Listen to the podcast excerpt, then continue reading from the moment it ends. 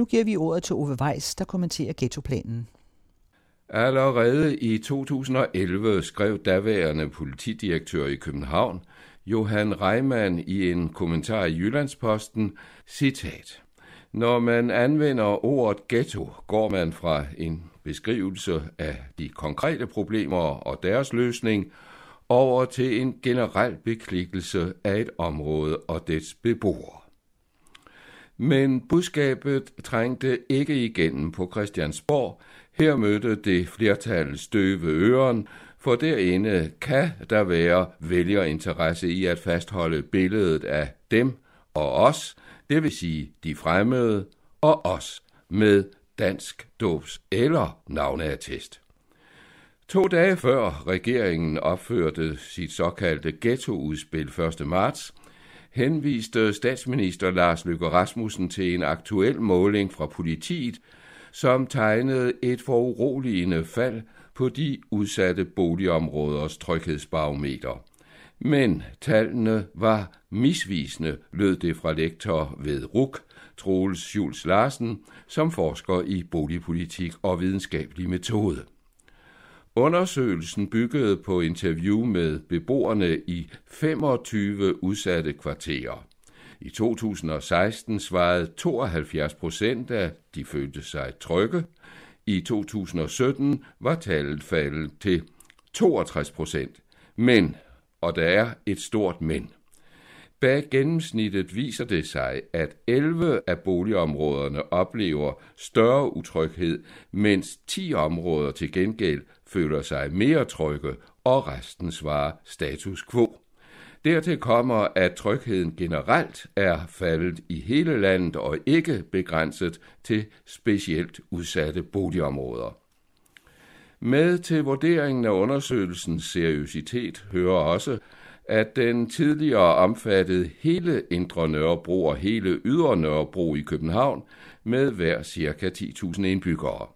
Den seneste måling begrænser sig til de særligt udsatte kvarterer, Blågården og Mjølnerparken.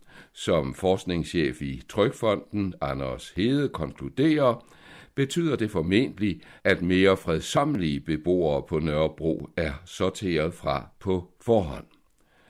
I øvrigt går der en lige linje fra netop Nørrebro med Blågårds Plads, som de senere år har været centrum for en særligt betændt bandekriminalitet anført af Loyal to Familia og til datidens rabarberkvarterer. Det var netop den sorte firkant, som den også kaldes, der lagde navn til rabarberkvartererne som dækkende for områder med dårligt byggeri, stor fattigdom og alvorlige sociale problemer. Indtil gennembruddet af voldene blev der dyrket grøntsager og ikke mindst rabarber i området med gardnerne boende tæt på Blågården, navngiveren af Blågårdsplads og Blågårdsgade. Men mens man helt tilbage i midten af 1800-tallet søgte at løse problemerne med boligsaneringer og senere med mere eller mindre vellykkede byfornyelser som udtryk for stort set det samme, er den slags ikke længere tilstrækkeligt for beslutningsflertal på Slottsholmen. Udover regeringens seneste udspil med forslag om blandt andet tvangsflytning af 11.000 familier i områder på den såkaldte ghetto-liste og indførelse af dobbelt straf i visse zoner, føjes nu kravet om, at hele husstanden kan sættes ud af boligen, hvis et enkelt familiemedlem skærer ud i kriminalitet vel at mærke uden forudgående domstolsskøn. Som udlejer skal man efter forslaget blot lægge en domsudskrift frem i fodretten, hvorefter hele familien per automatik sættes på gaden. I dag kan en udlejer, privat eller almen, godt ophæve lejemålet, hvis et medlem af husstanden begår grov kriminalitet tæt på boligen, det gælder blandt andet herværk, indbrud, vold, trusler, afpresning, røveri, voldtægt og salg af narkotika. Men flytter lejeren ikke frivilligt, kan fodretten og senere boligretten og landsretten vurdere, om kriminaliteten med rette skaber frygt hos naboerne. Forslaget har kaldt panderynkerne frem i advokatsamfundet og formanden for den danske dommerforening, Michael Sjøberg, kalder det i politikken meget vidtgående at afskære domstolene fra at vurdere, om trygheden nu også reelt er truet. Han fremhæver, at selvom der er tale om en dom for alvorlig forbrydelse, er det en anden juridisk afvejning, når domstolene bagefter tager stilling til tryghedsfaktoren i området. Men den reaktion på forslaget, som måske har størst indflydelse på de politiske overvejelser, ikke mindst i det største oppositionsparti, kommer fra formanden for lejernes landsorganisation, Helene Toksvær. Hun kalder udspillet horribelt. Jeg kan ikke komme i tanker om andre tilfælde, hvor der nærmest er lukket helt af for at kunne gå til domstolene i en sag om grundlæggende rettigheder, som en bolig er. Det minder om stater, vi ikke vil sammenlignes med, siger hun. Lejernes landsorganisation er en del af den i hvert fald tidligere ofte anvendte fællesbetegnelse arbejderbevægelsen.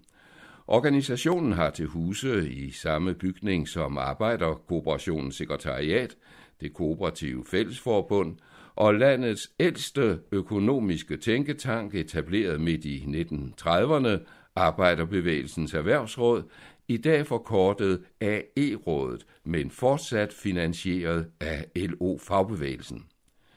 Lejernes reaktion er en løftet pegefinger til Socialdemokraterne, som i udlændingepolitikken og retorikken de seneste år har nærmet sig Dansk Folkeparti, uden at det tilsyneladende har givet positiv afsmitning på tilslutningen. Seneste gennemsnit af meningsmålingerne giver oppositionens statsministeralternativ 26,8 procent af vælgerne.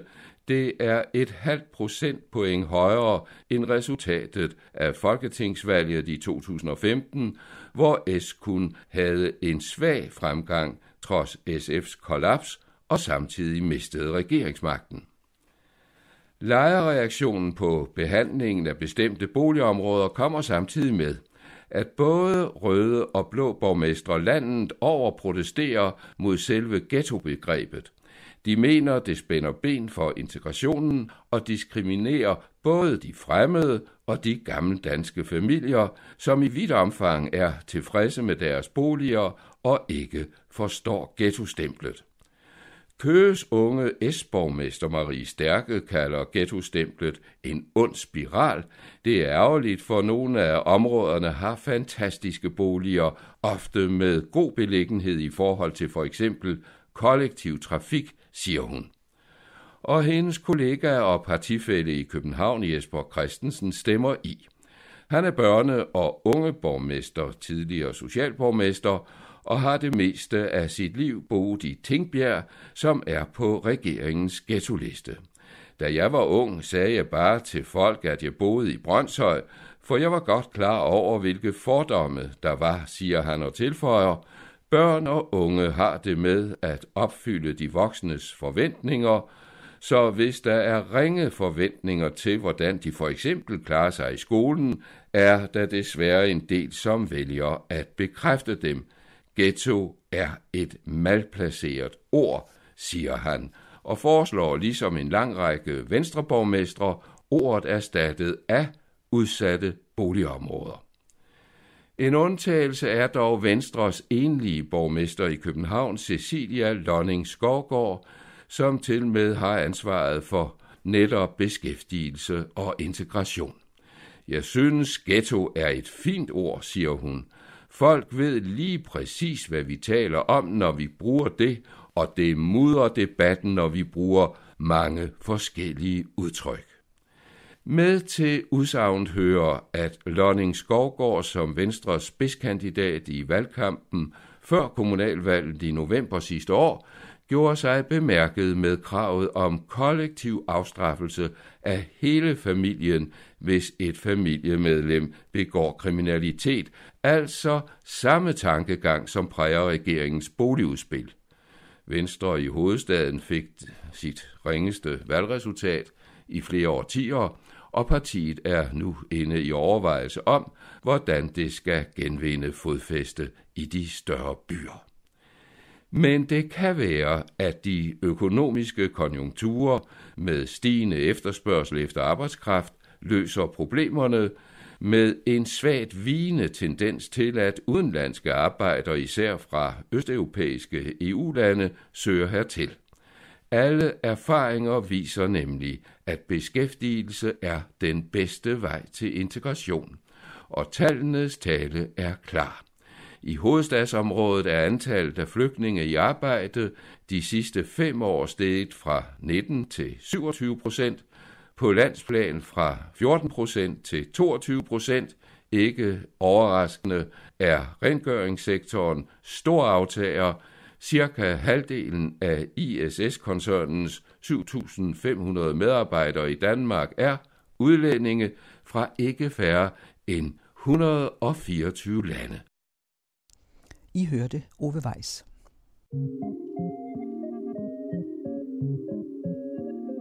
Den anden radio. I dybden, i bredden, i højden. Public Service Radio om kultur og samfund.